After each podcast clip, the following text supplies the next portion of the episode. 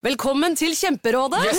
Denne gangen har vi fått inn et kjempedilemma fra en familie. Okay. Jeg leser Hei, vi er litt uenige i familien her. Mm. Hvis du skulle vært et dyr, ville du hatt gjeller eller vinger? Oi, den er tricky. Ja, Hva ville dere hatt, da? Altså, jeg vet ikke, men Med familierabatt får du ubegrenset data fra Telenor fra 399 kroner. Da kan du scrolle seg til svaret, rett og slett. Ja, ok, Men for min del Ja. gjelder. Nei, nei, Gjelder. nei, vinger. Nei, nei, gjeller. Ja, okay, ja, Kjempebra. Men eh, se nye mobilabonnement på telenor.no, da. En podkast fra Podplay. Ja, jeg skal legge inn en sånn liten uh, klipp, jeg, bare, jeg skal klippe inn dette her på starten, fordi at eh, nå, etter at vi har sittet her og snakket en time, så må, føler jeg at vi bare før vi setter i gang episoden, så må vi ha en liten sånn derre Ok, folkens.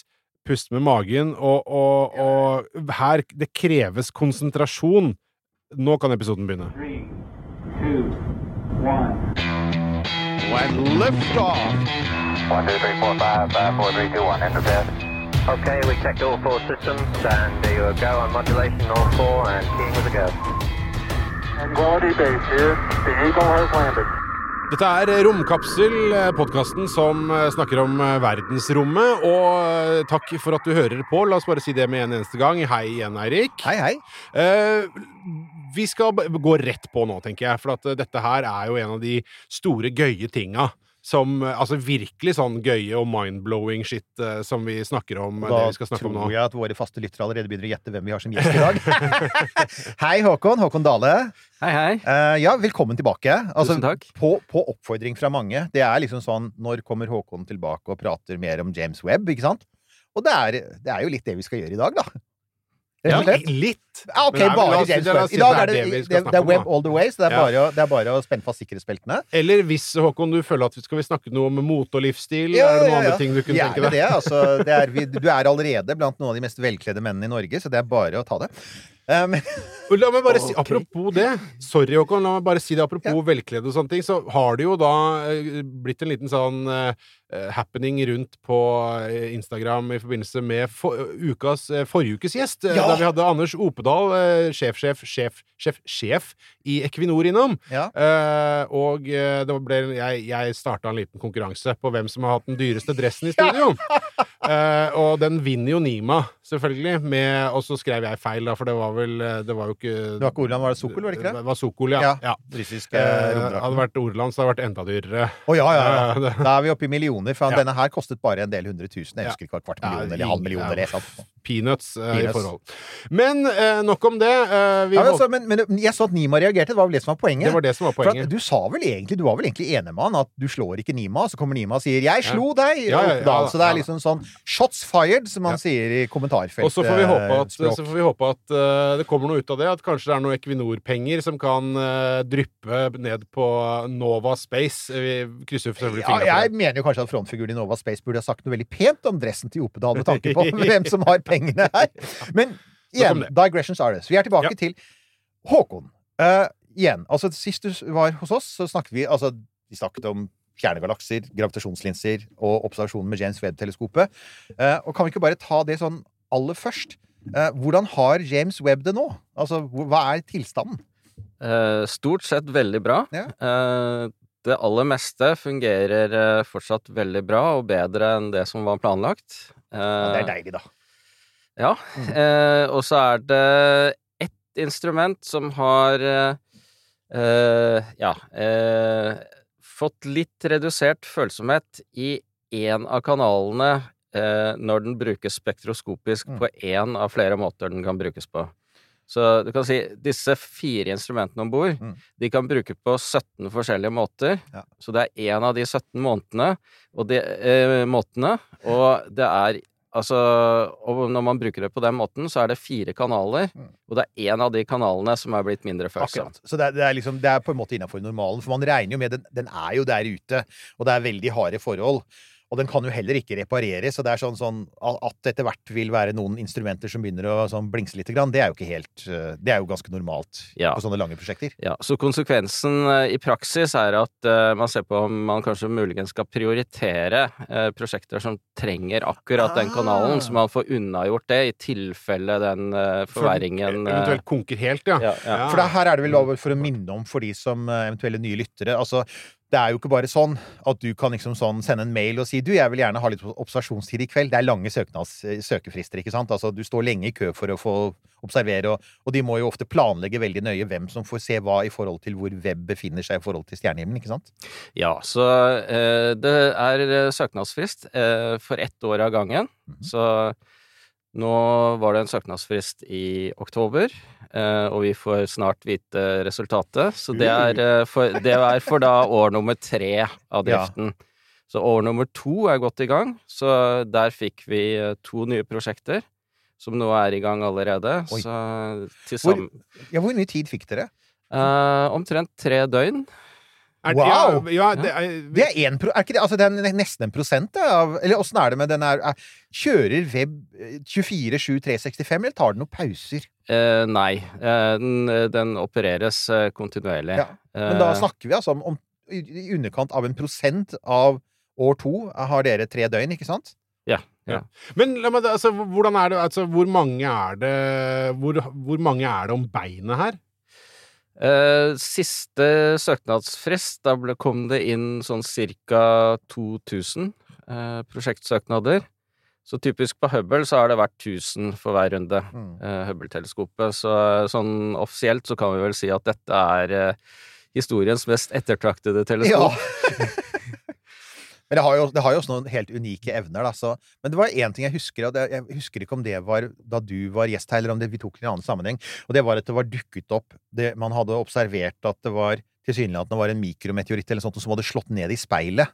Og så var det Ja. litt sånn bekymring det, det er ikke blitt noe mer av det, er det det? Nei, eh, så det virker som om eh, det rett og slett bare var sånn en veldig statistisk usannsynlig hendelse som skjedde akkurat da, og nå forhåpentligvis kan, går det ti år til neste gang det skjer noe lignende. Altså Så- Veldig typisk for alt som skjer med web, er at det skjer en enkelthendelse, så sier man 'oi, nå har det skjedd noe veldig dramatisk'. ikke sant? 'Å ja, nå har vi antagelig oppdaget at det er mange flere meteoritter der ute', og nå, nå er nok det sånn game over.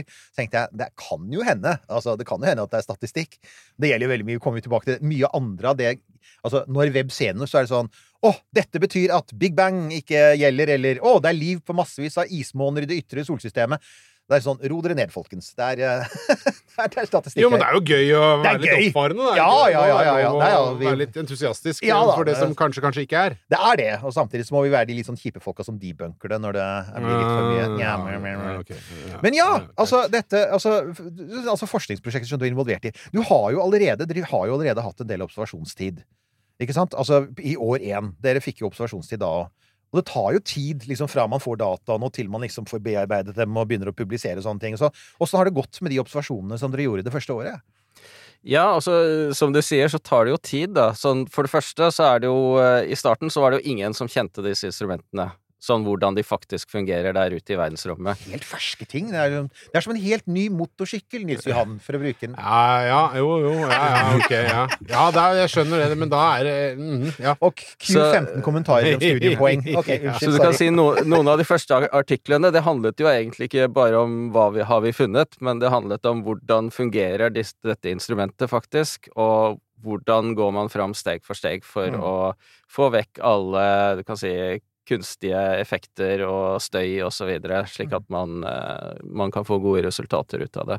Mm. Så nå er vi på en måte forbi det stadiet, da, og vi kan få ut eh, resultater som er klare til å drive forskning, og vi har allerede fått ut noen eh, artikler. Jeg snakket så vidt om sist gang jeg var her, om at vi, vi så en galakse som ligger ja, vi ser 12,4 milliarder år tilbake i tid, Mhm. og der er det såkalte PAH-molekyler som du finner i sigarettrøyk og Ja. grillaske. Ja. Ja. Ja, det husker Det er- jeg vi var innom. Så det der de røker og griller der, altså. Ja. Ja, det er Ja. det du liksom ser for deg, sånn aliens i grilldress foran eh, ja, ja. Men PAH, er ikke det, er ikke det, er ikke de også altså På jorda er vel det også knytta til litt sånn uheldige ting? Altså Dette er ikke ting man helst bør puste inn, så vidt jeg husker.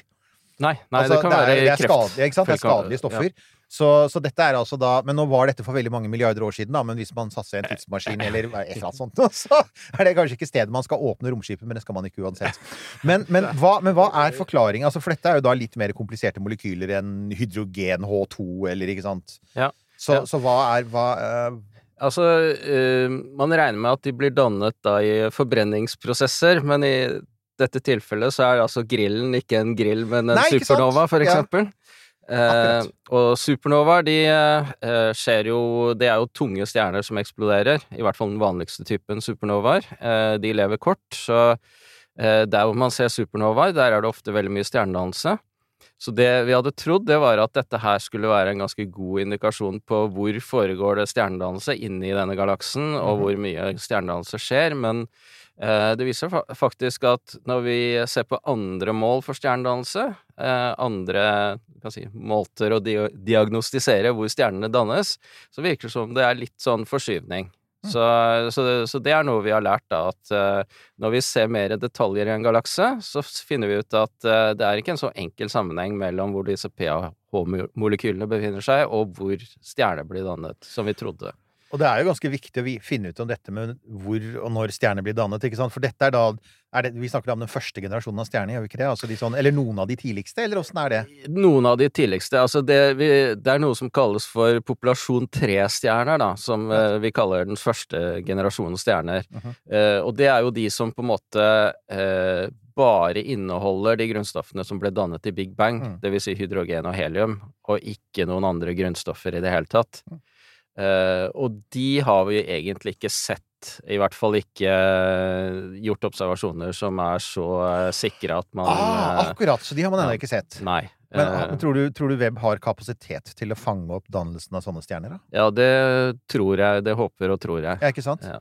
For at det er jo liksom sånn, det er jo ganske viktig også for å forstå hvordan stjerner utvikler seg gjennom historien. For, for vår sol inneholder jo da masse stoffer som disse stjernene ikke inneholdt fordi den er blitt anriket, da, opp gjennom historien. Og det er, det er mange som ikke er klar over det at det liksom for eksempel er vel ikke sånn at altså så tidlig så kan, er det ikke så lett å tenke seg at man har solsystem og karbonbasert liv, blant annet fordi at veldig mange av de stoffene man trenger for å gjøre det, fantes ikke ennå. Ja, det stemmer. Men uh, de fantes jo da for uh, 12,4 milliarder år Det er det de siden. Siden vi ser disse PAH-molekylene. De inneholder jo Ja! masse karbon, ikke sant? Ja, sant? selvfølgelig! Så det, det, du er der allerede da, ja. Kan jeg bare skyte inn at jeg syns jeg er stille, fordi dette er jævlig fascinerende Det å er høre veldig på. fascinerende.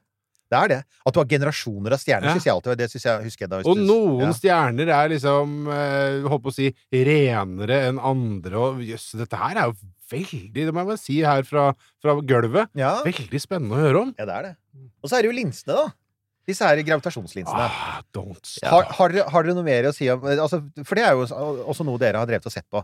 Ja, så eh, det er jo egentlig det vi ser på hele tiden. Ja. Altså alle de prosjektene jeg er involvert i bruker gravitasjonslinser for å, som forstørrelsesglass, rett og slett. Ja. For å se ting som ligger eh, Detaljer som vi Mm. ellers ikke ville sett, Mm. da. Eh, så ja, eh, vi har Altså, det som er eh, veldig spesielt, som Webb begynner å se nå, da, som vi, vi så et hint av det med, med Hubble-teleskopet, eh, det var at eh, ja, Hubble-teleskopet fant blant annet i en av disse galaksene eh, som man studerte, eh, gjennom en gravitasjonslinse, så fant man en supernova. Mm. Eh, og så er det jo sånn med disse gravitasjonslinsene at de kan faktisk lage flere bilder av den samme, mm. samme galaksen. Så da så man altså den supernovaen, og så ventet man et par år, og så så man den igjen i et annet bilde av den samme oh, galaksen. Å, himmel! Så det Eh, og dette, dette var jo noe som da Det var jo nordmann som Ja. forutsa dette her, Sjur Refsdal, på Ja. 1960-tallet. Så den supernovaen ble oppkalt etter Refsdal. Den heter det i dag, Supernova Refsdal.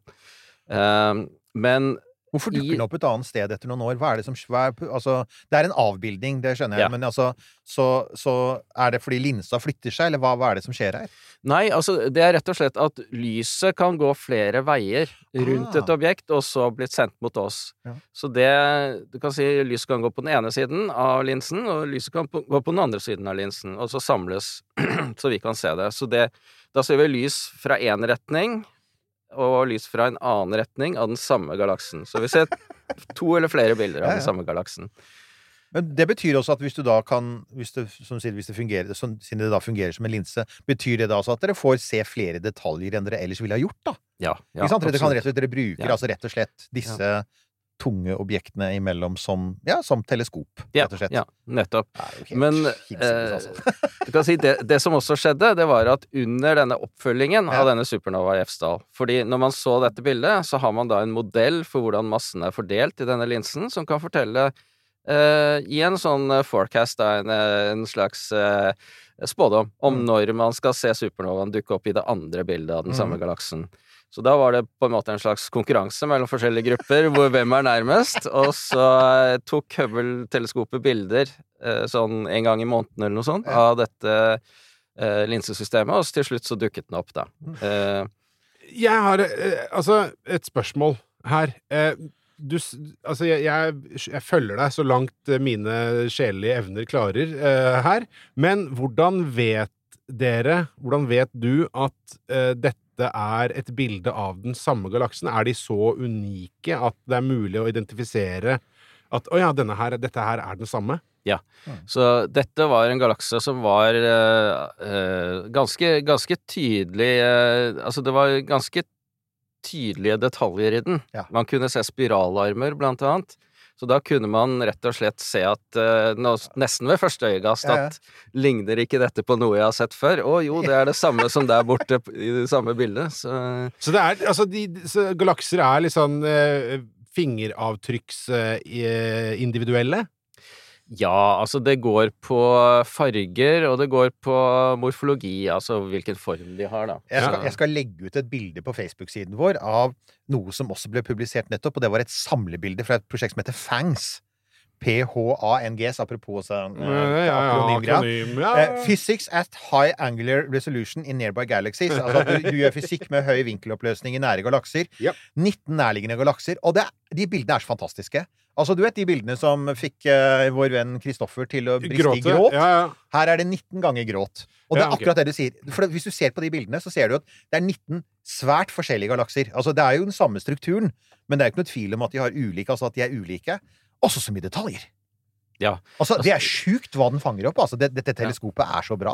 Ja, altså disse Fangs-observasjonene, det er jo lokale galakser, så Ja. vi ser jo ikke fullt så mye detaljer på de, de avstandene vi ser på, men, eh, men det er jo, eh, som du sier, spiralarmer og slike ting som Ja, jeg vil bare jeg vil skyte inn en, en ting her, en greie som eh, jeg plutselig kom til å tenke på når eh, vi på en måte hadde avtalt at vi skulle snakke med deg i dag. mm. Det var det at eh, jeg husker fra første gangen vi snakka om det, jeg ble helt så blåst i bakken av gravitasjonslinser, og at det faktisk er en ting. Eh, og da ble det nevnt 13, et eller annet milliarder lysår unna. Og så reiste vi til Ny-Ålesund Ja. eh, med Kartverket. Og Måtte, ne måtte nevne det, da. Ja, Eh, vi er ikke ferdige med det, folkens. Ikke- sorry, men eh, vi kommer til å fortsette å plage dere med dette en stund framover. Ja, det, det blir nevnt titt og ofte. For som vi fikk beskjed om da vi reiste opp, dette stedet kommer til å forandre dere. Og jeg Ja da. bare yeah, right. Ja, ja. Men å gud a meg, jeg drar tilbake når som helst. Mm. Men da ble det jo også sagt til gangs der at de lytter på kvasarer som er 13, opptil 13 milliarder lysår unna. Så vi er liksom i, vi er i ditt nabolag. Og da, Ja. det ble jeg liksom fascinert av at ja, man kan høre på det, og så nå endelig kan dere se de. Mm. Det syns jeg var veldig fascinerende, da. Takk for meg. Ja, men det er det. Det er helt sant. Altså, eh, jeg ser jo, altså, Du har jo sendt oss litt eh, info på forhånd her også, sånn at vi, og det, det var veldig smart. Fordi at det er Ikke minst fordi at det skjer fryktelig mye med web nå. Altså, jeg gjør jo alltid research i forkant, men det er jo et hav. Det er jo så mye å velge i nå av ulike resultater og ulike målinger og, og, og sånn. Og det, en av de tingene du snakket om, var jo dette her med at um, dere Altså dette med at dere kan finner kraftig forstørra stjerner i linsesystemene. Altså dere kan se enkeltstjerner. Ja. Så det, det var faktisk eh, det jeg akkurat snakket om, det, denne her eh, oppfølgingen av Supernova Refsdal. Ja, riktig! Ja, ja. Eh, Så i den samme I det samme feltet, da, i det samme området, så dukket det opp eh, plutselig et punktkilde Mhm. som ikke var der før, inni en av disse, en av disse galaksene som er eh, sterkt forsterket av eh, gravitasjonslinseeffekten. Og så fulgte man dette over tid, og så ble det klart at dette Altså, linsemodellen sier noe om ikke bare hvor mye forstørret opp hver galakse er, men innad i en galakse så kan det variere litt fra sted til sted hvor sterk forstørrelsen er. Mm. Og noen små områder kan forstørrelsen være ikke sånn som vi typisk har sånn eh, 10-100 ganger, men den kan faktisk være altså over 1000 ganger, kanskje opptil 10 000 ganger. 10 000 ganger forstørrelse. Og da, Ja. det, jeg bare tenker på, altså, Hvor langt unna er eh, altså, stjerner som dette her? Hvor mange, hvor, altså, er det, snakker vi fremdeles om sånn 11-12-13 milliarder lysår? Ja, altså eh, Hubble fant jo da en kandidat, ikke i dette, i Mm. dette området, men i et annet område, bak en annen gravitasjonslinse, som eh, så ut til å være Altså, da er det 13 Eller ja, hva er det, 12,8 milliarder år vi ser tilbake. Ikke sant? Og, da, altså, og, og bare sånn igjen, Big Bang er sånn ca. 13,8. Er det det, Ja, er det ja, som er tallet nå? ja. Så det er altså, altså Poenget er, Nils Johan, altså den, er ting som også er sånn totalt mind-blowing. Vi snakker om én sol.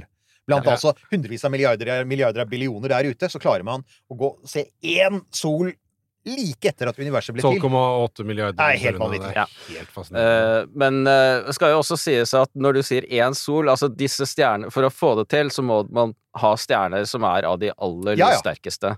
Så Ja, ikke, nevnte- ikke gjør det mindre enn det er Nei, nei, nå. men altså, det er kult, for du nevner det, Jeg sa du sammenlignet med Eta Karina. Ja. Og de av dere som har sett på sånne der, Det fins noen sånne videoer på YouTube som viser sånn, altså, sånn størrelser i universet. Og da ender det, Eta Karina ender opp sånn, i den store enden av skalaen. Dette er en sånn, det er en sånn gigantstjerne. Uh, så så det, er jo, det, er, det er jo ikke småting, men det er, det er fremdeles en enkeltstjerne sett helt i universets gryning, uh, milliarder av lysår ja, ja. 1202. Hvor stor er Eta Karina? ja altså, husker du det? Hva, hva Ja, altså, det er antagelig eh, en dobbeltstjerne. eh, Hvor komponentene er eh, Den ene er 90 ganger, og den andre er eh, 30 ganger, har 30 ganger solas masse. Og for stjerner er det ekstremt mye. Ja. Det er, det, det er Altså, det er ikke Ja. Ja. Men jeg festa meg ved en ting du nevnte her. Altså, når man skal gjøre Man skal følge ting over tid. Eh, og det, det her stusser jeg litt, for at man får tildelt sånn observasjonstid, eh, altså de forskjellige Ja. teamene som søker. Altså, hvor lang tid kan man følge noe over, da, før man på en måte må forskyve et annet eh, prosjekt og noen andre som har fått en eller annen observasjonsslott? Hvordan funker det der? Eh, nei, som regel så er det sånn at man, uh, man kommer tilbake Ja. til det samme feltet. Ja, okay, sånn ja. det jeg snakker om Ja. nå. Ja, ikke sant? Så denne, denne supernova Refstad, som du sa, som, altså hvor den flyttet seg Da kom man tilbake seinere, da, uh, og så på det samme området. Ja, Ja. ja.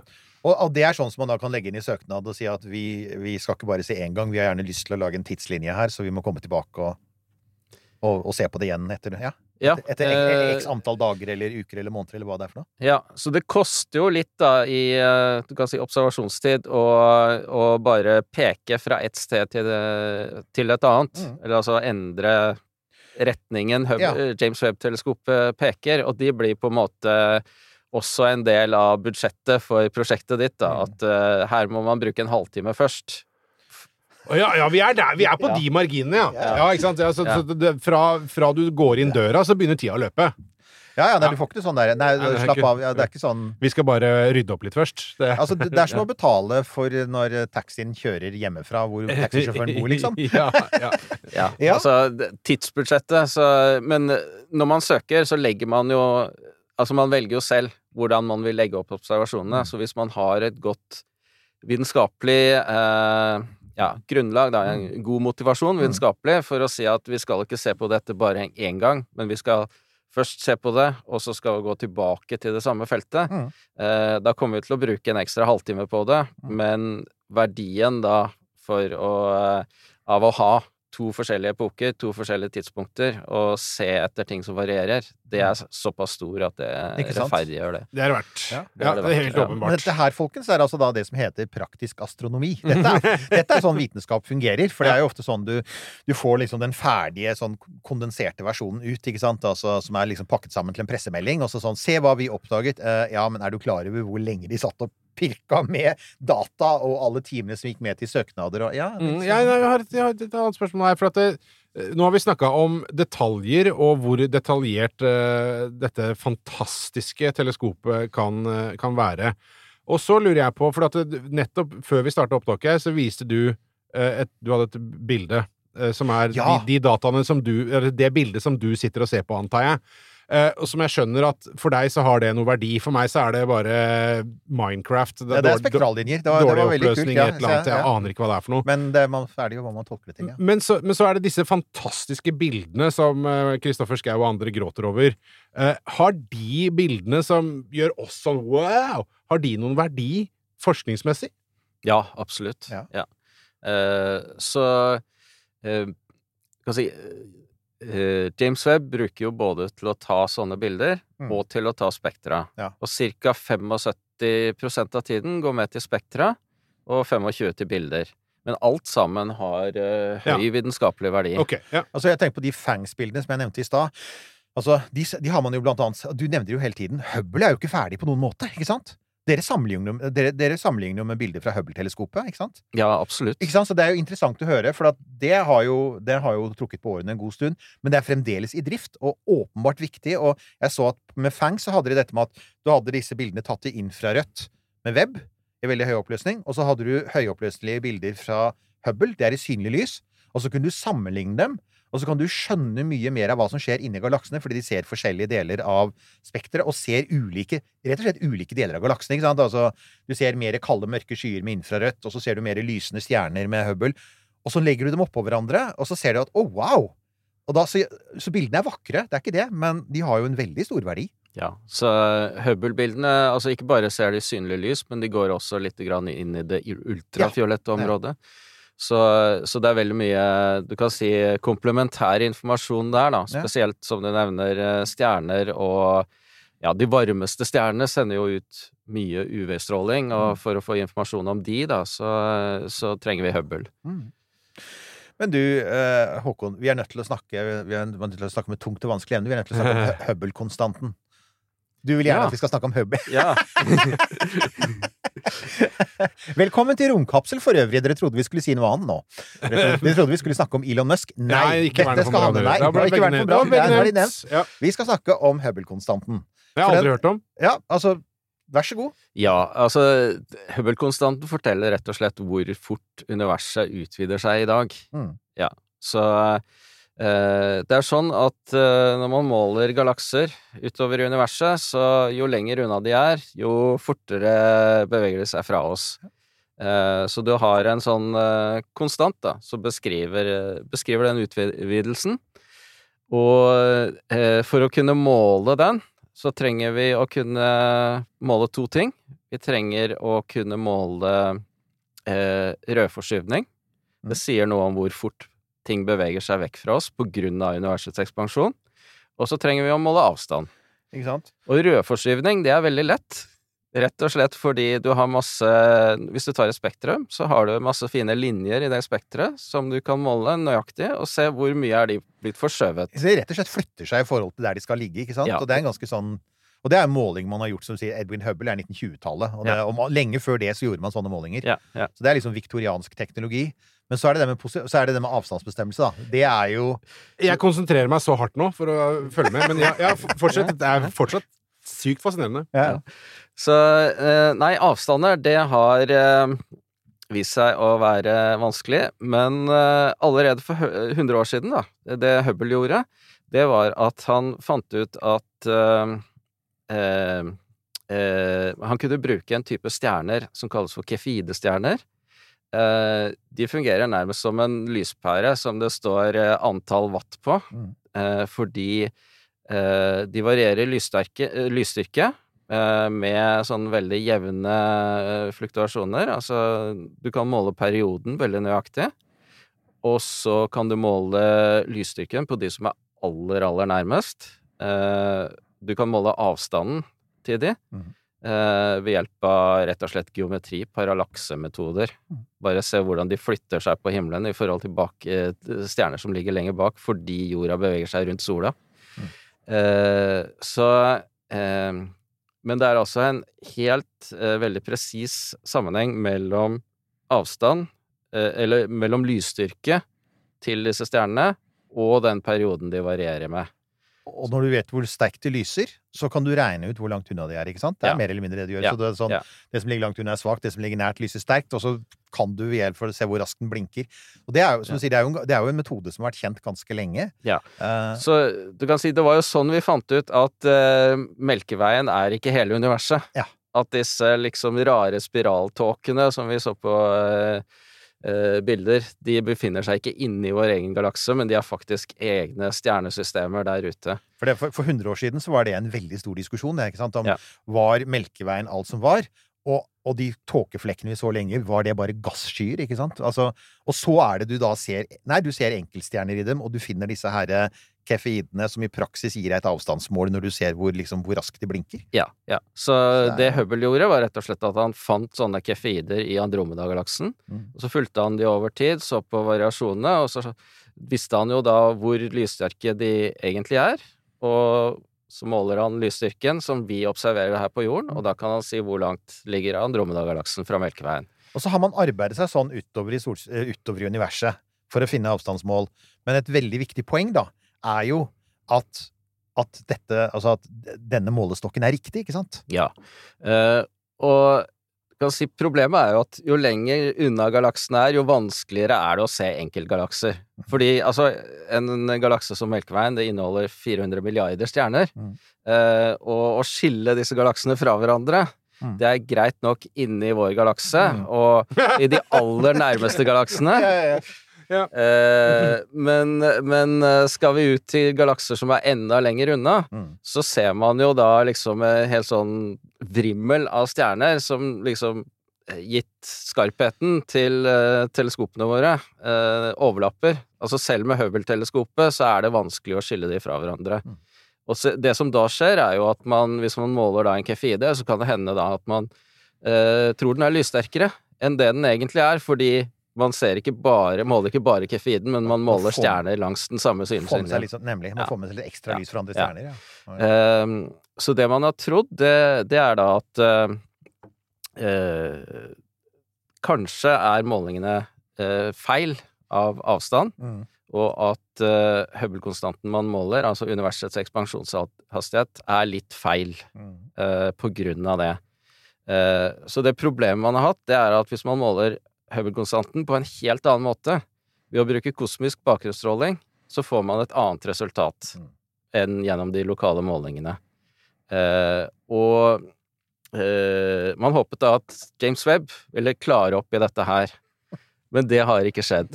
Nei. Fordi eh, bildene til James Webb er mye skarpere, så nå kan man være mye sikrere på at man måler bare lyset fra Kefide-stjernene, og ikke de som ligger rundt. Eh, og da eh, vet man at de er mye sikrere enn før avstandsmålingene i det lokale univers. Eh, men likevel så får man samme resultat, men med mindre usikkerhet.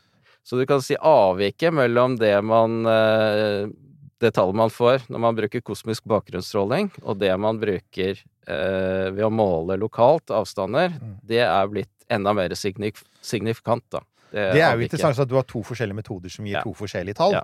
Og, og da er jo spørsmålet liksom Ok, hva er ikke sant? Hva, hva, hva skyldes det? Altså, Ja, ja. hva er det vi ikke har forstått, for å si Ja. det sånn, da? Så, men, altså det med kosmisk bakgrunnsstråling, det, det er jo fra kan si, universets barndom. Mm. Det er jo mikrobølgestråling i dag, men stråling da som ble frigjort da universet ble gjennomsiktig eh, 380 000 år etter Big Bang. Nå er vi altså 13,8 milliarder tilbake i tid. Ja, ja, ja, ja, det er bare kjør på. Ja, sånn, folkens, vi, er nå, vi er nå tilbake ved universets begynnelse. Ja. Ja. Så det, det man gjør ved å bruke den kosmiske bakgrunnsstrålingen, det er rett og slett at man, man gjør målinger, eh, og så tolker man de innenfor det man kaller for en standardmodell for kosmologi, at universet består av så og så mye synlig materie, så og så mye stråling, så og så mye mørk materie, og så har man noe som heter mørk energi også, så man Så dette er liksom modellen for hva universet inneholder, eh, og hvor mye det er av hver komponent. Og da kan man ta målingene av hvordan det så ut 380 000 år etter Big Bang, og så bare du kan si ekstra, ekstrapolere fram til i dag og si at hvis modellen vår er riktig, og vi har alle ingrediensene riktig, så skal vi måle den og den Hubble Altså så skal vi måle en gitt verdi for Hubble-konstanten i dag. Mm. Eh, og så stemmer jo ikke dette helt, da. Ja. Eh, så det er liksom hvilken ingrediens er det vi mangler, eller Men- ja. Og det mer jeg vet, jo, jo mer skjønner jeg at jeg ikke skjønner noen ting, eller hvordan dette her er. Så det, det, Ja. det føles litt sånn. Og samtidig tenker jeg at dette her er jo noe av det som gjør vitenskap spennende. ikke sant? For at altså, Fra et forskningsperspektiv så er dette interessant. ikke sant? Ok, det er avvik mellom tallene. Det er selvfølgelig veldig hyggelig å få hvis alt stemmer. Men hvis det ikke stemmer, så betyr det at ok, da er det noe Da, da må vi forske mer, ikke sant? Ja, da Da må det vi bare jo grave dypere, ja. for det er en eller annen faktor, det er et eller annet her som vi ikke har fått med oss. Ja, så, så potensielt så er jo dette en åpning for å finne noe helt nytt, ikke sant? Ja. Eh, Ja, for det er, Dette er ikke knyttet til dette med sånn mørk energi og muligheten for at universet ekspanderer raskere over tid, altså det som det har vært snakk om en del de senere årene?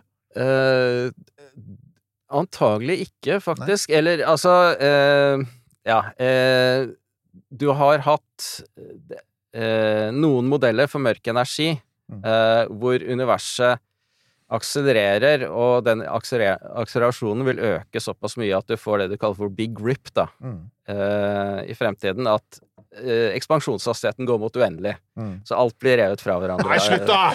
Vet du hva? Vet du, jeg sitter, når, når Håkon sitter og prater her nå, så Ja. tenker jeg at vi burde egentlig ha i merch-butikken vår Så burde vi ha romkapselbranda hodepinnetabletter. Jeg mener Ja, det, ja, ja, med logoen vår på. At det har vært en god idé. strålende Bør, idé. bør tas når vi har eh, mind-expanding gjester på besøk. Jeg har sittet og tenkt det så lenge at på denne på, episodebeskrivelsen her så skal det stå sånn der headache alert. Ja, ja, ja, Veldig bra. Det er- Ja, for, Så, men, ja, men det så det har én variant av mørk energi Ja. som vil kunne gi en big rip, uh, men du kan si hvis vi ser på hva den vil forutsi om sammenheng mellom uh, lysstyrke, uh, eller avstand, og eh, hastighet ting beveger seg fra, fra, fra oss eh, Ikke bare måler du på én avstand, men måler du på flere avstander, så ser vi at de modellene eh, passer ikke overens Nei. med det vi, eh, det vi måler. Mm. Så det er antagelig ikke det som er forklaringen. Ok. Ja. Men allikevel så er det et eller annet på gang, eh, og, og da er jo det også utgangspunkt for nye forskningsprosjekter, og jeg vil tro at det er også utgangspunkt for søknader om tid på web.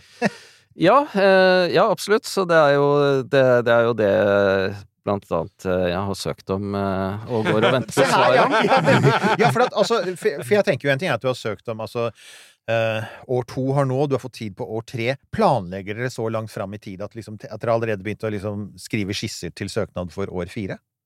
Uh, vi har begynt å samle observasjoner fra bakken for å uh, Ja. Man må nesten det, ikke sant? Det. Ja, ja, ja. ja og, og, og dere, får, dere får jo søke Dere får jo tid, Men altså. her, altså med, med mitt enkle sinn, så, så skjønner jeg at her er det jo kanskje også eh, kilde til, til sånn feilkilde for Altså igjen, da skal jeg tilbake til Kartverket og Ny-Ålesund og disse kvasarene som de måler på. At eh, her er det, ligger det feilkilder. Mulige feilkilder for, for disse påståtte konstantene som, eh, Ja. som de har der oppe. Ja, jeg, da, da er det, nå skulle vi gjerne hatt noen fra Ny-Ålesund på tråden for å forklare at bare rolig, GPS-en din kommer fremdeles til å funke. For det er jo det det handler om. Men eh, Og da er det avstand og Jo, sånne jo. ting som skal måles. Men, Mhm. Men hvis vi skal ta det litt sånn eh, mer eh, altså, jordnært i astrofysisk forstand, da. Vi snakker fremdeles ikke om på bakken. Nei, det er ikke mye jordnært, ass. Men, men vi skal eh, noen milliarder lysår nærmere oss. Ja. For at det, Det er altså, ikke en- Vassendgutane og Karsk vi skal på til nå. det er ikke Nei, Nei. men altså, noe av det som er igjen, det er jo et universalinstrument, dette. Uh, og, og noe av det som også har vært ganske mye oppmerksomhet rundt, er jo altså hva, hva web gjør i forhold til planeter, ikke sant? Ja. Uh, og, og der har jo du uh, blant, Du nevnte jo blant annet dette her med med altså måling av atmosfære på planeter. Det har det vært ganske mye snakk om. Og hver gang man finner et eller annet interessant stoff i en atmosfære, så er liksom eh, er internett bare Woho! Ikke sant? Ja, nå har vi funnet liv. Men så enkelt er det jo sjelden. Eh, det stemmer. Så eh, Nei, det var jo en Det var jo, ble, ble mye oppmerksomhet her i høst om eh, studier av en planet som het, heter K218b. De har så fine navn. Ja. Der! Vet du men altså, her er det et eller annet. For at man er superflink på, uh, på disse akronymene på ting man skal sende opp. Men de som er der oppe, får sånne litt sånn kjedelige uh, bare betegnelser. Når det er sagt, det er jo litt bra at den heter K218b, for at når du da skal researche den, så putter hun det i Google, og da kommer du rett i K218b. Tenk om disse, eh, tenk om astronomene hadde vært kreative og gått ut og tatt en øl og sagt 'la oss kalle den for Taylor Swift'. Altså, det, det kunne ha skjedd, for å ta et helt det- tilfeldig valgt ja, ja, eksempel. Veldig, veldig godt poeng, men, men, men Ja. allikevel så er det litt sånn der Det er veldig For det er katalogisering det er snakk om, ikke sant? Så det, er, Det er det, det, det er katalognavn, er ikke ikke sant? sånn gøy navn. 1202. Ja, altså K2 altså Det var jo en eh, var et eh, Et Ja. eh, romobservatorium som het Kepler. Eh, Ja. Så der er, kommer K-en fra. Mm. Og K2, det var liksom etter den første, du kan si, nominelle eh, driftsperioden. Så begynte man å se hvor man hadde stirret på det samme området eh, i eh, ja, fire år, var det vel? Eller mer. Eh, så begynte man å se på andre områder på himmelen, og da ble det K2. Og da ble det sånn fortløpende nummerering av de eh, ja. Så det var den 18. Eh, 18. planetsystemet som ble funnet under, eh, under eh, den andre delen av Kepler-prosjektet. Ja, og den ble litt Den ble da tilsynelatende rammet av dette her med sånn vårt behov for å over, overtolke eh, webdata. Ja, så altså denne planeten, stjerna, eh, er en rød dvergstjerne, så den skinner mye eh, mye mindre kraftig enn sola vår. Så denne planeten, den beveger, befinner seg i den beboelige sonen rundt denne stjerna. Det vil si beboelig betyr at det kan være flytende vann på overflaten. Det er sånn Altså Det er alltid litt sånn skummelt å si det, for det er sånn Åh! Så det vil si at ja. ja, ja.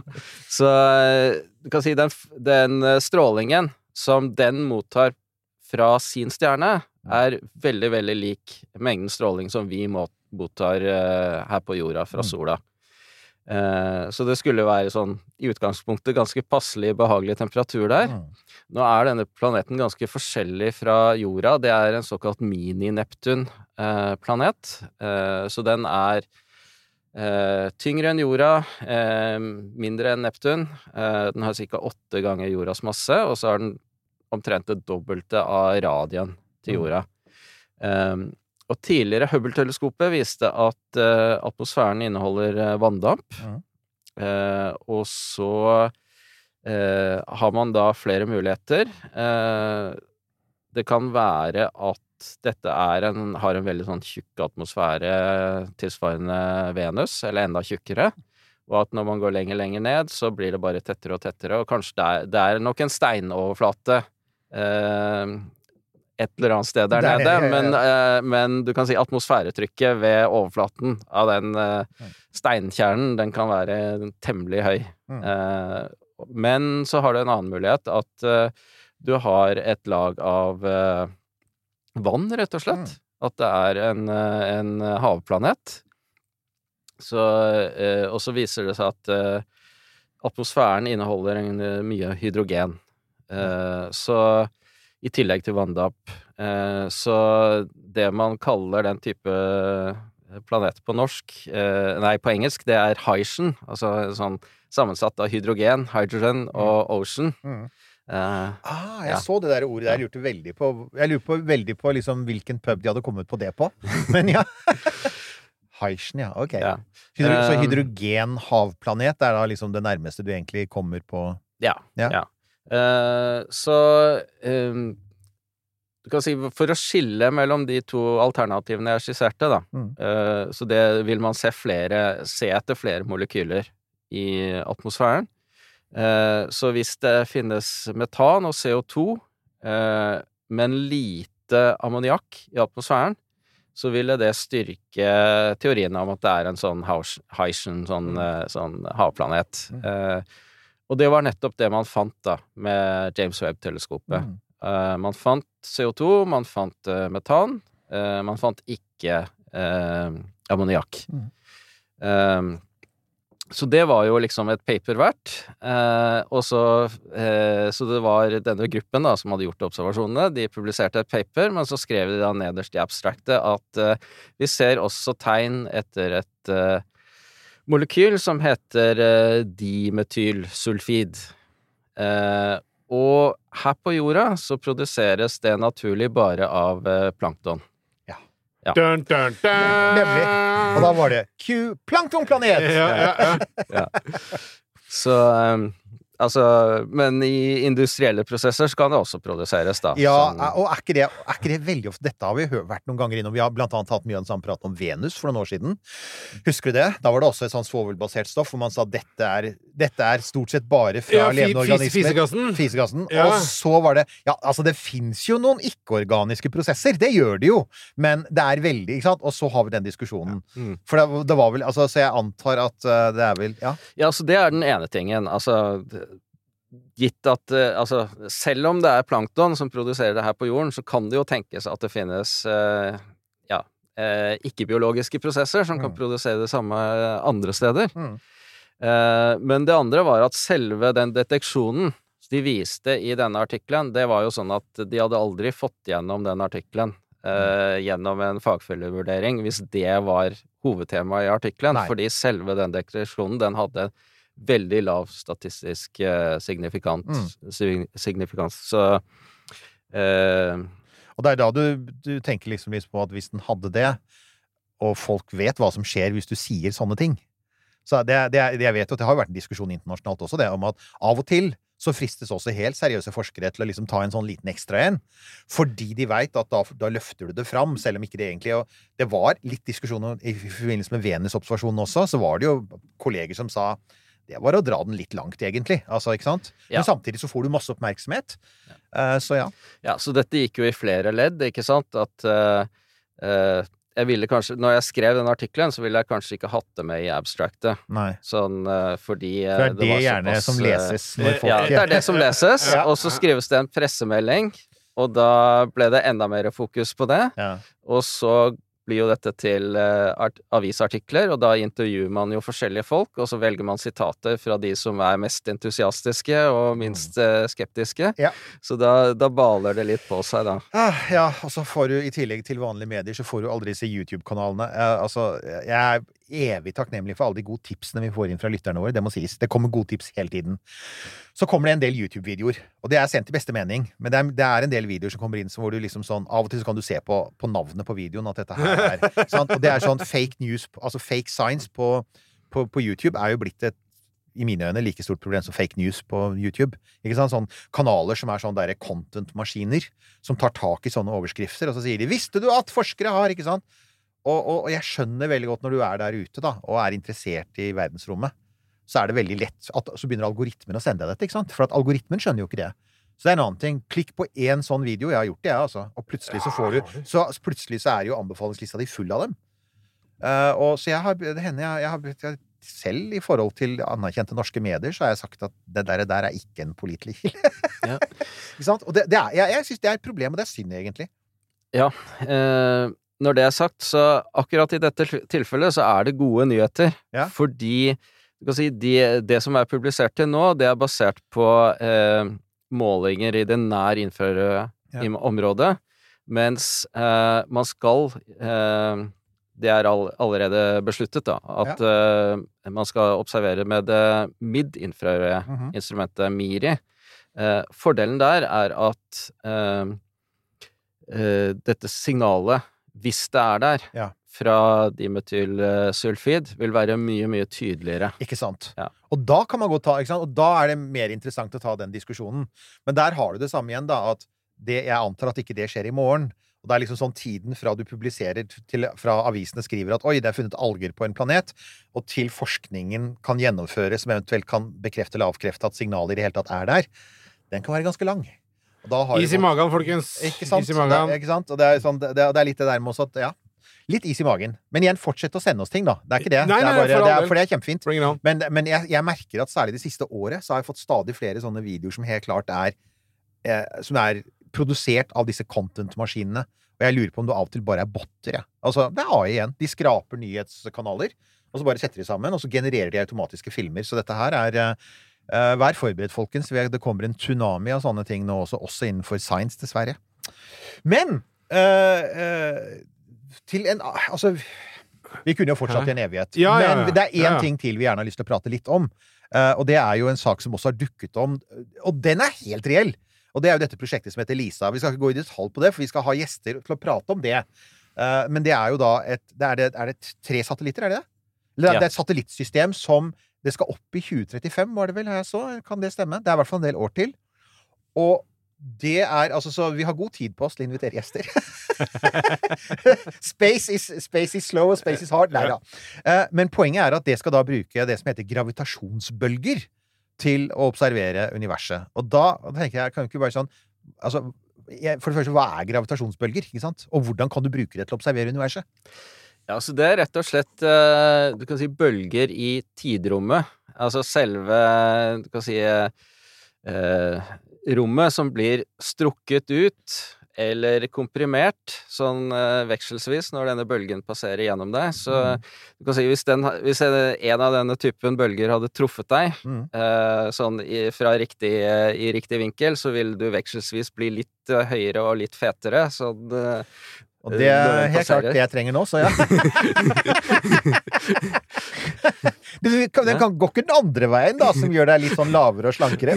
Men, men, men altså det, det jeg mener og har hørt om det også, er at disse bølgene er ikke veldig sterke. Altså, det er ikke, det er ikke en sånn ting som du for eksempel hvis Altså, du, når du sier altså som menneske, du vil ikke kunne sense gravitasjonsbølger, vil du vel? Nei, på ingen måte. Så, men uh, vi har klart å måle det. Ja. Uh, så det er uh, da en detektor i USA, det vil si det er to detektorer, en i Washington State og en i Louisiana, som har klart å måle dette i Ja, det ble publisert i 2016. Mm. Og du kan si det strekk Altså dette, dette er jo tunneler under bakken hvor man sender lasere i to forskjellige retninger, og så måler man endringer i hvor langt denne, dette laserlyset beveger seg Mm. fram og tilbake. Eh, og hver av disse armene i tunnelarmene, de er eh, 20 km. Eh, så eh, kan si den lille endringen i avstand Mm. som eh, man måler eh, på grunn av gravitasjonsbølgene som passerer, Mm.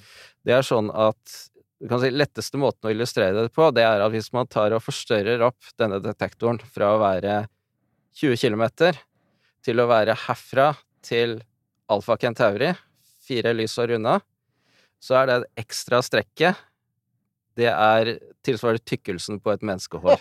Å ja! uh, og min umiddelbare tanke er Men er det ikke mye annet som skjer i jordskorpa? Altså, er det ikke, er det ikke en del støykilder her, tenker jeg da? Jo, jo. Så det er, jo, det er jo imponerende at de klarer å finne gravitasjonsbølger. Fordi at, altså hvis, hvis det er en fyr som hoster i, i Australia, så antar jeg at så, så, ploing, ikke sant? Så, ja, det, det er ikke fullt så ille, men altså, dette er jo i du kan si lengst, lengst eh, øst i Washington State, på grensen til eh, Ganske langt fra Stillehavet, da. Ja. Eh, men eh, hvis det er eh, mye bølger og sånn som slår mot eh, kysten, så, så registrerer man det. men, men jeg antar altså at gravitasjonsbølger har en profil eller en Altså, Ja. det, det har et utseende i dette strekket som, som ikke ligner eh, bølger som slår mot stranda, eller jordskjelv, eller Eller folk som hoster i Australia. eller Ja. dubiøse land som sprenger atomvåpen. Så, Ja. ikke sant? Ja, så det går på amplitude og frekvens, og hvordan den varierer da med tiden. Ja, rett og slett. Ja, rett og slett. Ja, men altså, det, men? Det, det, er jo, det er jo altså, For så vidt det er jo som eh, gode gamle radiobølger. Altså Ja. AM og FM, ikke sant? Frekvens- og amplitudemodulasjon. Det er jo litt Det er jo der vi er, egentlig. Det er jo bølger, ikke sant? Så du har elektromagnetiske bølger, og du har lydbølger, og her har du gravitasjonsbølger. Bevegelse i tidrommet. Det lukter for øvrig Einstein lang vei av dette her, så jeg antar dette har med den generelle relativitetsteorien å gjøre, på et eller annet vis. Det har det absolutt. Og det kommer jo å bringe oss til, for det er jo en annen ting, da. Altså, hva er det man ønsker øh, Altså, hva er det man ønsker å se med gravitasjonsbølger som man ikke kan se med eksempel Webb eller Hubble? Altså, hva er det man ønsker å måle på? Eh, For eksempel ting som da ikke sender ut eh, elektromagnetisk stråling. Mhm. Eh, Så det kan du ha for eksempel hvis du har to sorte hull som er i ferd med å kollidere. Hvis de ikke har noe særlig gass rundt seg, så er det ikke noe egentlig til å Blupp! Ja. Og så, altså, altså, bruff, så kommer det en sånn sjokk med gravitasjonsbølger. Ja, ja. Interessant. Ja. Så- Så du kan bruke det til å se sorte hull som ja. mm, mm, mm. Ja. Men da, når du nevner sorte hull, jeg ser det er punkt på lista her med, med sorte hull. Ja. Altså at det er noe øh, oppdagelse av uh, ja, sorte tidlige hull. sorte hull, ja. Ja. Men det er jo sånn som web Webb gjør hele tiden nå. Ikke sant? Altså at Så man det er ikke så gøy lenger, det. Eh, nei, uh, der er jeg ikke helt enig. Fordi uh, man har funnet et sort hull som er enda tidligere. og ja Det er så tidlig at det er 500 millioner år etter Big Bang. Det er ganske tidlig. Det er ganske tidlig. Men det har Ja, okay. allerede rukket Det har allerede rukket seg å, å vokse seg så stort at det inneholder 40 millioner ganger solas masse, omtrent. Ikke sant? Så det må da ha og det, og det tar jo tid. Og er det ikke det som er helt Altså, Grunnen til at man er opptatt av dette, er jo at mange av disse prosessene jo faktisk tar tid. Og, og når du har et stort hull i sentrum av Melkeveien, så har det hatt god tid på seg. Det har jo hatt eh, liksom 13,5 milliarder år på å gjøre det, og, og, og, og ese ut og bli så svært som det har blitt. Men når du er så kort tid etter The Big Bang, så er det da Da igjen så kommer disse litt sånn spekulative artiklene som sier ja, men oi! Har vi bomma litt på tidsskalaen her, siden det så, altså, så hvordan kan det ha blitt såpass stort såpass tidlig, er vel noe av spørsmålet da. Ja, og det eh, svaret man begynner i større og større grad å helle mot, Mm. det er at man starter med et større frø enn det man trodde i utgangspunktet. Så Oppstod det sorte Er det altså at Kan det ha oppstått sorte hull i det store smellet? Eller, er det, eller må det ha skjedd etterpå? For det er sånn Altså, det hull Altså, det store smellet var jo en sånn superkomprimert affære, så man ser jo for seg at med så ekstreme forhold som det var like etter starten, kan det da ha oppstått massevis av sånne sorte hullfrø, eller må man på en måte gjennom noen sånne stjerneprosesser eller noen sånn mer konvensjonelle ting? eh, det kan ha oppstått uh, i Big Bang, eh, men eh, eh, hvis, de, hvis det har skjedd, så vil det antagelig være måter å avsløre det på som vi ikke har sett, da. At Ja. eh, det ville hatt noen signaturer i Ja, du ville ha sett det i det Ja, ok. Eh, så, eh, så den teorien man heller mot, det er at eh, istedenfor å starte med sorte hull som vi vet fins, og vi vet kan dannes ved at eh, eh, rett og slett en massiv stjerne eh, er ferdig med eh, brukt opp drivstoffet sitt, Mm. eh, ingenting å stå imot tyngdekraften, og så kollapser den og blir til et sort hull. I hvert fall de indre delene, kanskje hele stjerna, Mm. avhengig av hva slags type stjerne det er. Og da har du et sort hull som kanskje har en masse på 10 til 100 ganger eh, solas masse. Eh, De tidlige stjernene de var kanskje enda tyngre, så hvis, hvis vi er veldig sje- sjenerøse, så kan vi starte kanskje på 1000 ganger solas masse. Men å liksom vokse seg fra 1000 ganger til eh, 40 millioner, det tar tid. Det er det. Ja. Altså, det er tidsaspekt her. Ja. Men, men det, det, det du sier, er at det er, det, er, det er tenkelig at i løpet av en del millioner år så kan den liksom ha Altså fordi at når du først, altså når du først går inn i det sorte hullet, så går du vel ikke ut igjen? Nei da. Men problemet er at det, det funker faktisk ikke for det sorte hullet som James Webb Det, det fjerneste sorte hullet som James Webb. Akkurat. Eh, så da må man finne på noe annet. Eh, og en annen metode å få dette til, det er hvis du har da en gassky som er i ferd med å samle seg eh, veldig tidlig. Og dette er da før Mens du bare har eh, hydrogen og helium, før det er blitt dannet stjerner, i hvert fall i dette området. Da kan den gasskyen eh, kollapse eh, direkte til et sort hull. Wow. Og Og, og til et så, såpass svært sort hull, altså? Altså med sånn millioner av solmasser type? Altså, da snakker man om 10 000 til 100 000 ganger okay. solas masse. Så, men da starter man eh, Med en solid ja. Ja. Ok, men nå er haka mi så nede at jeg snart begynner å sikle, merker jeg.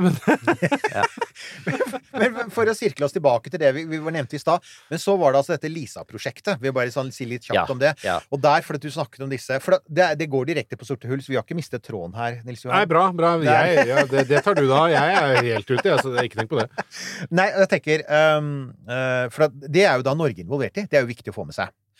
Eh, norske forskere er involvert, og norsk teknologi er involvert. Og Romsenteret har vært veldig opptatt av å fortelle oss om dette, og det skal vi absolutt, vi skal absolutt komme tilbake til liksom mer det teknologiske i det. Men det jeg tenker, er altså at du skal flytte det opp i rommet. Hva er det for å få lengre sånne armer, altså å få lengre, lengre distanse? Og kanskje også komme bort fra folka som hoster i Australia, ikke sant? For at oppe i rommet ja, vel, på den annen side. Det er jo mye, det er jo mye gravitasjon der oppe òg, da. Det er jo det er ikke mangel på ting som trekker og drar, men likevel. Ja, så eh, det er uh, Istedenfor å ha 20 km lange armer, da, Ja. eh, så har man uh, uh, 2,5 millioner kilometer. OK! Det er VLBI in space. Ja, du, altså det er jo litt sånn. Ja, rett og slett. Ja, så du har liksom tre farkoster, og så sender du lasere imellom disse tre, da, i en sånn triangel der ute, hvor du sender uh, lasere imellom uh, hjørnene i triangelet, eh, og måler ekstremt nøyaktig avstanden mellom dem, og variasjoner i avstander, når det kommer en sånn passerende gravitasjonsbølge. Ok. Ja, ja, jeg er helt enig. Og, men altså, Så- dette, er, er dette her ting som da skal uh, Dette skal da gå rundt jorda, eller skal det være et helt eget sted ute i solsystemet? Eller er dette jeg Snakker nå litt, litt noen sånn Lagrange-punkter, eller er det uh, nei, det, det kommer til å ha en bane rundt sola eh, i samme avstand som jorda, men som følger etter jorda, da. Akkurat! Å, herregud. Ja. Altså, nei, det er jo eh, Og, og da, det er da du også begynner å skjønne at det kommer til å ta en del år før man får dette opp og fly. Ja. For at det er jo en, en ganske svær greie. Ja. Men vi vet jo at lasere Altså at man kan kommunisere med laser i rommet, vet vi jo nå. Fordi at eh, NASA jo har sendt kattevideo fra, fra den derre romsonden eh, som de sendte av gårde her forleden. Ja, Ja, det? ja, de har, ja, Ja. det var sånn de skulle teste ut et Ja, laserkommunikasjonssystem. det, for, ja, ja. for å demonstrere at laser ikke bare er mer effektivt enn radio, for du kan jo overføre mer data, men du kan faktisk gjøre det over space-avstander. Og det de valgte, var en Spacecat-video. Da er jeg så happy. Men det var helt malapropos. Men altså, så det er tre Det er laserstråler som skal og da, får du, for, og da får du vel også bedre mm, oppløsning, da, eller bedre data, ikke sant? Hvis du har så disse Ja, ja det viktigste her er egentlig avstanden, Ja. ikke sant? Lengden på armene. For man er følsom da for en helt annen skala. Ja. Eh, det man har målt i dag, det er sånne sorte hull som blir dannet som stjernerester Akkurat. når de krasjer. Men det som eh, Lisa vil kunne måle, det er disse supermassive sorte hullene som du finner i Ah. galaksekjerner. Ja. Hvis de krasjer sammen, Uh, og det er, da, da kan man se mye lenger ut også, da. Ikke ja, sant? Da kan, ja, ja. da kan man egentlig se helt tilbake til uh, starten. Da er vi tilbake til starten igjen. Ja, det er enda godt. Å, herregud. Og da kan man, men tenk deg, da. Om noen år så har man liksom da Jeg, har ikke, jeg vet ikke om jeg har kapasitet til å tenke meg mer, jeg nå. Jo, men altså, jeg bare tenker sånn Da har du kombinasjonen av visuelle data, eh, eh, du har webdata og gravitasjonsbølgedata, og så kan du krysspeile, ikke sant? Og så kan du Altså, tenk, det er, mulighetene er endeløse. Det er utrolig kult. Ja, ja. Nils Johan, det Ja. ser ut som du trenger en liten pause nå. Ja, altså- jeg tror vi skal finne en liten sånn seng å legge deg ned på, så skal du få våre eh, romkapselbranda Nei, men altså, dette Jeg må jeg har rom, globoid. Eh, globoid. Eh, ja, men altså, som alltid, Håkon. Dette er Jeg skjønner jo Ja. 30 av det du snakker om, men det er veldig fascinerende å høre på. Ja, Jeg syns det er superspennende, det, det må jeg bare si. Eh, og så må jeg bare pleie hodet bitte litt. Jeg, jeg kom tilbake igjen om en liten stund og fortell Absolutt, mer. Altså, det dette skal vi absolutt er gjøre. så kult å høre For det, dette først og fremst er jo dette en påminnelse om hva du kan gjøre i space, ikke sant? når du har tilgang til et virkelig godt romteleskop, og hvor langt du kan pushe grensene. Og ikke minst alt dette her som vi liksom hele tiden er på randen til å oppdage, da. Ikke sant? Altså at det hele tiden dukker opp nye ting. For jeg bare minner om at uh, Du sa jo det du hørte gjennom forrige episode da du var her. Jeg tror stort sett vi ikke har snakket om så veldig mye av det du snakket om sist, for det har jo skjedd mye annet også. Så Ja. Ok, eh, Ja. skal vi bare runde av? Tusen takk for at du kunne komme i studio, Håkon, og hjertelig velkommen tilbake. Definitivt. Eh, og så, Nils Johan, skal vi ta vår vanlige lille Ja, vi er jo på de eh, vante stedene. På Sier han matt. Ja, Vi er på de vante stedene. Vi er på Facebook. Vi er ikke lenger på X, for at der er det blitt litt sånn giftig.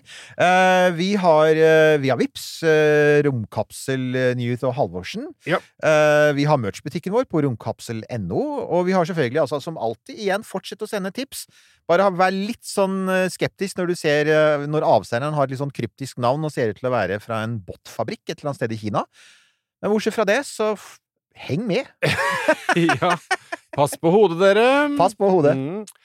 Ja, jeg skal legge inn en sånn liten uh, klipp, jeg, bare, jeg skal klippe inn dette her på starten, fordi at eh, nå, etter at vi har sittet her og snakket en time, så må, føler jeg at vi bare før vi setter i gang episoden, så må vi ha en liten sånn derre Ok, folkens. Pust med magen, og, og, Ja, ja, ja. og her Det kreves konsentrasjon. Nå kan episoden begynne. Ja, jeg var bare veldig lyst til å ta bilde av Nils Johans ansikt akkurat. Et øyeblikk. Det var ikke Skal vi se, der er vi. Der. Perfekt. Vi skal ha ut det. Vet du hva vi skal gjøre? Vi skal legge det ut på Facebook. Skal vi si Hvem tror dere vi hadde på besøk som snakket om litt vanskelige ting? Veldig bra, Håkon. Det er nydelig. Nei, det er så spennende, altså. Du har hørt en podkast fra Podplay. En enklere måte å høre podkast på. Last ned appen Podplay, eller se podplay.no.